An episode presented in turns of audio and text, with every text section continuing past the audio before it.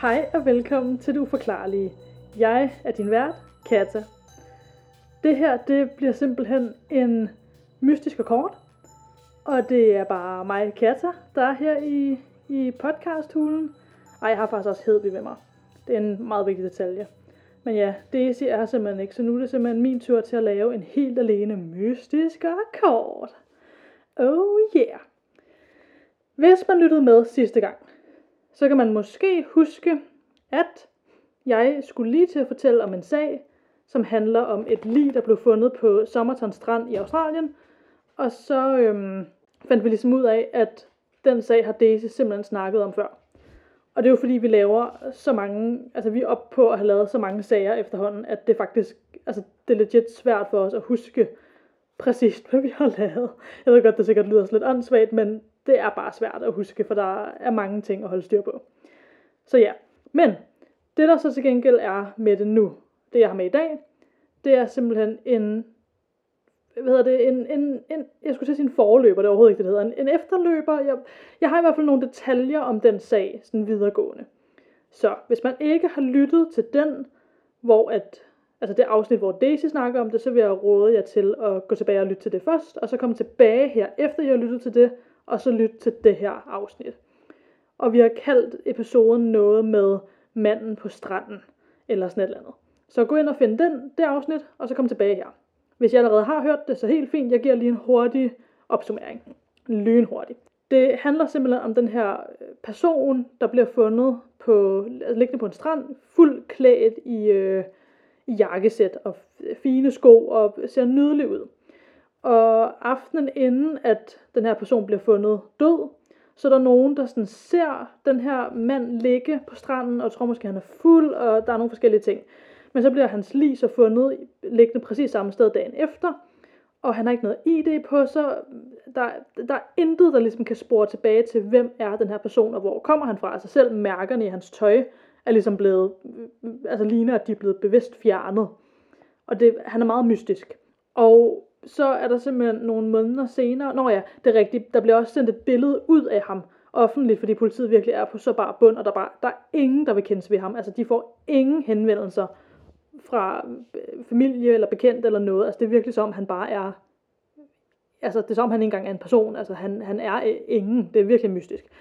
Så nogle måneder senere er der to mænd, der dukker op på en politistation, for at sige, at de nogle måneder tilbage, altså samme måned, som han døde, fandt en bog i deres bil. Og de her to mænd havde så lidt troet, at det var hinandens bog, og de havde rigtig snakket om det, men så da hele den her ting ligesom blev en sag, så, så gik de så til politiet med den her. Og det der var med den var, at man fandt en hemmelig lomme, der var syet ind i ham, altså der lå død på strandens bukser, hvor der simpelthen lå den sidste side fra en bog her, hvor der stod et eller andet, eller det er afsluttet. Og det var simpelthen sidste side fra den her bog, som de her to mænd havde fundet i deres bil, og den sidste side manglede i deres bog. Men det der også var med den her bog, var, at der stod navn og telefonnummer på en sygeplejerske, som politiet hævde fat i. Og hun sagde ligesom, at ja, hun havde haft den her bog, hun havde givet den til den og den person. Så finder de ligesom den her person, hun siger, hun har givet den til, men han er stadig i live, og han har stadig bogen. Og altså, de finder ligesom aldrig ud af, hvem ham her manden er. Altså, det, det, er, det hele er super mystisk. Men efterfølgende, fordi det her det jo mange år siden, efterfølgende så er der simpelthen kommet nye ting i sagen, og det er det, jeg vil snakke lidt om nu. Yes, så som sagt, der var ligesom den her sygeplejerske, og i sagen, der går hun ved navnet Justin. Det er ikke hendes rigtige navn, men det er sådan et, det, det er et dæknavn til at bruge i sagen, for at beskytte hende. Da politiet konfronterede hende med et billede af manden, der blev fundet død på stranden, så var hendes umiddelbare reaktion, at hun blev så overrasket, at hun åbenbart næsten besvimede. Men hun påstod så med det samme efterfølgende, man vil sige, at hun ikke kunne genkende manden på billedet. Hun fortalte, hvem hun havde givet den her bog til, som jeg snakkede om før, og problemet med den her bog, ja, som sagt, var, at han jo stadig var i live. Og han havde stadig bogen også. Så det var i hvert fald to bøger med Justins navn og nummer skrevet ind. Bogen, som ham her manden stadig havde, og bogen, som de to mænd havde fundet i deres bil. Så spørgsmålet er jo så også, kunne der have været flere? Men det store spørgsmål er jo, om hun i det hele taget måske under krigen havde en vane med at give de her bøger til mænd, hun kendte. Hvem ved? Og havde hun også givet sådan en bog til manden på stranden? Men selv hvis hun havde, så er der stadig spørgsmål om, hvordan hans bog, hvis det altså var den, havnede i de to tilfældige mænds bil. Og hvorfor kunne Justin ikke bare indrømme, at hun kendte ham, medmindre hun havde noget med hans død at gøre måske? Eller hun ikke vil indrømme, at hun havde kendt ham af den ene eller anden grund. Altså der er, bare, der er mange spørgsmål om hende her Justin. Der, det, der er bare nogle ting, der, det er der ikke helt op. Det er mystisk. Ja, der er et eller andet. Det virker som, hun ikke fortæller. Det kan også bare være, at hun er nervøs. Hvem ved? Altså, I don't know. Nå. En australsk pensioneret politibetjent har efterfølgende skrevet en bog om den her sag. Og sammen med andre efterforskninger, så er der sket nogle fremskridt i sagen efterfølgende. Man fandt blandt andet ud af, at Justin har en søn. Og efter at der blev lavet analyse af det her, så viser det sig, at sønnen og den døde mand på stranden deler mange af de samme ansigtstræk. Så kunne manden være far til Justins barn? Spørgsmålstegn. Der er altså nogen, der mener ud fra den teori, at Justin af en eller anden grund har nægtet manden at se sit barn, og derfor begik han selvmord. Men der var absolut intet gift at finde i hans krop, og det eneste gift, der kan dræbe en person og samtidig forsvinde fra ens system igen så hurtigt, er ekstremt sjældent og bare svært at få fat på, så det virker meget usandsynligt. På grund af det, så var der så også flere, der mente, og eller mener stadig måske, at han var en spion. Og det var derfor, han blev dræbt på så bizarre en måde, som ikke efterlod nogen som helst spor. Det kan også give noget mening til, hvorfor han var så ugenkendelig. Altså at han havde jo ikke noget ID og, eller noget som helst, som ligesom kunne indikere, hvem han var. En anden mand, det er lidt sjovt der, en anden mand, eller det er det ikke, men i forhold til sagen er det mystisk. En anden mand døde efterfølgende med en kopi af den samme bog tæt på sig. Men det virkelig mystiske ved det her var, at bogen var den syvende udgave, altså den her anden mand, som døde, som havde den her bog, havde simpelthen den syvende udgave af bogen. Men det, der var virkelig mystisk ved det, er, at der fandtes kun fem udgaver. Så det kunne godt lidt tyde på, at det måske var en falsk bog. Efterfølgende fik politiet også en henvendelse fra en, der havde været på stranden aftenen inden livet blev fundet. Altså det, det, det første liv, var jeg vil sige, den første person, vi snakker om her. Han havde set en person bære en anden person over skulderen her på stranden, og havde tænkt, at det var en ven, der bare bar en fuld ven hjem. Det fik nogen til yderligere at spekulere i, om den mand, der lå fuld samme sted, som livet blev fundet morgen efter, måske faktisk ikke var den samme person. Der var flere, der havde set en tilsyneladende fuld mand ligge ved vandet aftenen før. Men hvad nu, hvis det rent faktisk bare var en fuld mand, der senere havde fundet sin vej hjem, og så var blevet erstattet, så at sige, med livet af den her person, der blev båret rundt på, for ligesom at dække over det. Fordi hvis personen, der så ligesom stod bag det hele, vidste, at flere havde set den her fulde mand ligge på stranden om aftenen, så kunne det være, at man så bare ville tro, at det er en fuld mand, der er død af kulde, eller hvad det nu kan være hen over natten, frem for at folk tænker, at det er en person, der er blevet myrdet og dumpet på stranden. Nu spoler vi tiden lidt frem. I 2021, det er jo meget for nylig, så blev livet simpelthen gravet op for at blive undersøgt af politiet igen i håb om at få løst sagen. Og de fandt faktisk frem til, at det højst sandsynligt var en mand ved navn Carl Webb. Det der jo er med de her lidt gamle sager er, at man havde jo slet ikke den samme DNA-teknik og metoder og alt sådan noget til at finde ud af forskellige ting, som man har i dag. Så der er nogle af de her sager, hvor man ligesom har gemt nogle spor, eller i det her tilfælde, hvor man simpelthen bare graver livet op igen, hvor man simpelthen kan finde ud af nogle nye ting nu, med den teknologi, man har, som man ikke kunne finde ud af dengang sagen ligesom var mere aktuel, så at sige. Nå, men ham her, Carl Webb, som det måske højst sandsynligt har været, han blev født i 1905 i Melbourne i Australien. Han var den yngste af seks søskende, og han voksede op og giftede sig med en Dorothy Robertson. De blev dog skilt, og hun flyttede til Sydaustralien. Derfor er der nogen, der så mener, at han måske var på en mission for at opspore hende nede sydpå. Og det simpelthen var det, han ligesom var i gang med. Hvordan igen han så præcist er død, det vides ikke. Men ja, jeg tror også, teorien med den her, altså går det så også lidt ud på, at sådan, det kan måske forklare, hvorfor at der ikke var nogen, der savnede ham i Godstein. Samtidig med, at jeg har det sådan lidt, det virker stadig virkelig mye. Altså lad os sige, det rent faktisk var ham her, Carl Webb. Det er fandme mærkeligt, undskyld, jeg siger det. Men altså, han var den yngste af seks søskende. Og så kan det godt være, at han var fraskilt, men du ved, han havde stadig en enke. Altså, det er sådan, det kunne godt være, at de havde intet med hinanden at gøre mere, og det er jo heller ikke sikkert, at han overhovedet havde noget med sin familie at gøre. Det kunne sagtens være, at han bare slet ikke var i kontakt med dem mere af en eller anden grund. Og det er heller ikke sikkert, at han har nogen venner. Altså, det kan sagtens være. Men alligevel, altså fem søskende. Jeg ved ikke, det, jeg synes bare, åh, det virker mærkeligt. Og selv hvis man ikke har noget med hinanden at gøre mere, og man ikke har kontakt mere, vil personerne, altså vil, vil man så ikke stadig reagere, hvis man lige pludselig ser et billede af, af sin, af sin øh, undskyld, jeg kom til at sige enke før, det var det overhovedet ikke endnu på det tidspunkt, men forstår mig ret. Altså hvis man så så et, et billede af sin fraskilte mand i nyhederne, og i aviserne med overskriften sådan, den her mand er fundet død, er der nogen, der kender ham? Altså vil man ikke, eller som en af de fem søskende, eller altså, vil man ikke kontakte politiet alligevel? Selv hvis man ikke er i kontakt mere med, med manden her. Ja, jeg ved det sgu ikke. Det er mystisk. Det er simpelthen mystisk.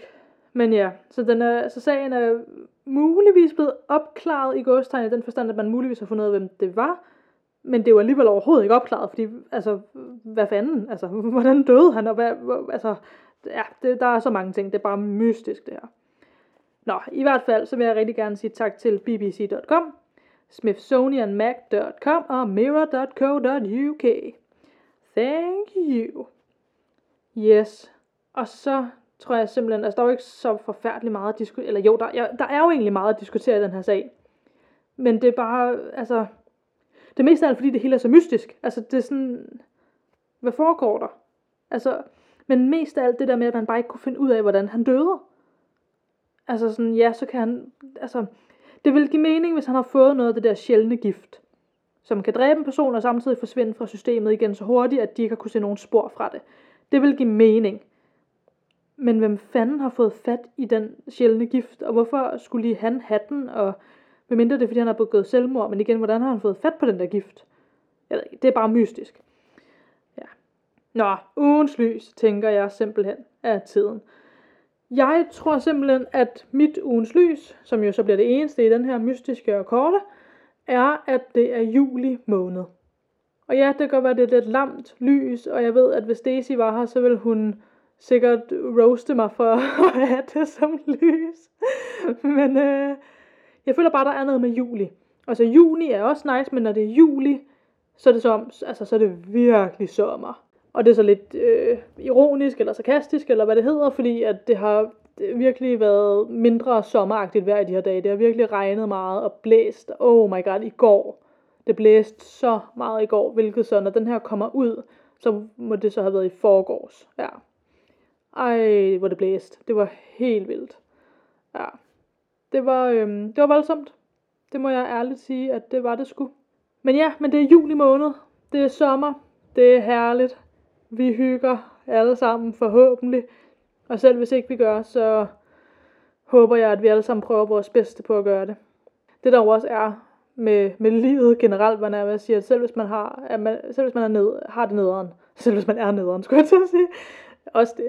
Men selv hvis man har det nederen, og man er inde i en, i en hård periode, eller hvad det nu kan være, altså sådan, nogle perioder er også bare fucking hårde, og sådan er det, og man skal skulle have lov til at græde, og have det nederen, og have det trist, og det er så normalt, og det er så menneskeligt. Men det man også skal huske på, det er, at det er virkelig kun ens eget mindset, og ens egen hjerne, der kan ændre på, hvordan man har det. Oprigtigt. Så sådan, og det, altså, og det er ikke kun, hvis man er inde i en hård periode, det er bare generelt med livet, at hvis man gerne vil ændre på nogle ting, eller man gerne vil, hvis man gerne vil have mere overskud, eller man gerne tænker, ej, jeg vil så gerne træne, eller jeg vil så... Wow, jeg ved ikke, om I kunne høre det. Fuck. Fuck, jeg fik et chok. Der var den vildeste lyd. Jeg tror bare, det var vind udenfor måske. Men det lød næsten som, det var en, der fløjtede, men det lød som, det var, altså det lød som, det var inde i det rum, jeg sidder i. Fuck, det var creepy. Men hed vi reagerede ikke på det, gjorde hun det? Nej, det gjorde hun. Hun er så ligeglad. Ej, jeg tror bare, det var vinden udenfor, men hold da helt op. Wow. Nå, ej, sorry, det, det freakede mig lige lidt ud. Hold da helt op, en weird lyd. Men også bare fordi, at jeg tror virkelig bare, det var vinden, der hylede udenfor. Men det var fordi, det lød som om, at det var herinde. Altså det lød som, det var lige ved siden af mig. Nå, men i hvert fald, hvad var det, jeg var ved at sige? Og ja, jeg tror, jeg var ved at sige et eller andet, eller at sådan, ja, hvis man gerne vil, vil, vil træne, eller altså ikke, at det skal være træne, men hvis der er et eller andet, man gerne vil, noget man gerne vil ændre i sit liv, eller man bare gerne vil, føler, man vil være mere glad, eller et eller andet. Altså, jeg ved godt, det lyder sådan lidt, nå ja, det kunne jeg have sagt mig selv, men sådan, det er sgu bare at gøre det. Og det kan godt være, det lyder simpelt, men det er det virkelig. Altså at komme ind i det mindset af, at sådan, jamen hvis ikke jeg er glad, og jeg gerne vil være glad, der er sgu ikke nogen, der kan ændre på det andet end mig selv. Altså man kan heller ikke øh, lade sin lykke og gladhed, hvad jeg vil sige, afhænge af andre, eller altså det, det er sgu kun en selv. Så man må, man må sige til sig selv, at sådan, ved du hvad, jeg vil gerne være glad. Og så selv hvis der sker en masse nederen ting i sit liv, så må man simpelthen tage det aktive valg og vælge at sige, okay, det her det er fucking nederen, men jeg vælger at se på det fra den, på den bedst mulige måde og fra den bedste vinkel. Og vide, at jeg er fucking stærk, og jeg skal nok komme igennem det, sådan det hele skal nok blive fedt. Og igen, det er jo ikke kun, hvis man er inde i en nederen periode, det er bare generelt, altså bare at kigge positivt på livet. Altså det, det gør virkelig en forskel, og det ved man, hvis man har prøvet det. Altså hvis man har prøvet at være inde i den der onde cirkel af at have negative tanker. Og igen, det er helt menneskeligt. Altså det er helt okay, hvis man er sådan et sted. Men hvis man har prøvet at være sådan et sted, og man så samtidig har prøvet at gøre det modsatte, og aktivt vælge at være sådan, ved du hvad, nu vil jeg være fucking positiv. Altså så kan man, altså så ved man, man kan virkelig mærke den forskel, det gør. Og jeg føler bare, det er så vigtigt at prioritere at være glad.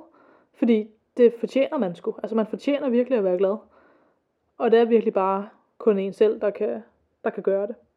Så er der selvfølgelig altså også eksterne faktorer, hvad jeg vil sige, der, der kan påvirke det. Og altså selvfølgelig skal man ikke tage fra sig selv, at sådan andre mennesker også kan gøre en glad. Det er jo ikke fordi, man skal sidde og sige, nej, du kan ikke gøre mig glad, det er kun mig selv, der kan. altså det er jo ikke på den måde. Men det er bare virkelig en selv, der, der vælger, altså det, det er en selv, der styrer ens liv, forhåbentlig. Og hvis ikke det er, så for guds skyld prøv at gøre noget ved det ved en, i en vis fart, hvis man kan. Så ja, så forhåbentlig er det kun en selv, der styrer ens liv, og det er kun en selv, der kan vælge, om man vil være glad eller ej. Simpelthen. Det, det tror jeg simpelthen var, var mit, det, altså det var dagens kata-budskab for, for det der afsnit, og sådan er det bare. Så ja, så, øh, så tænker jeg, at det var det. Ja, om det, det er jeg selv meget enig i, det, det tænker jeg også. Så det var simpelthen det. Og så til alle ånderne derude, please don't hjemsøge os.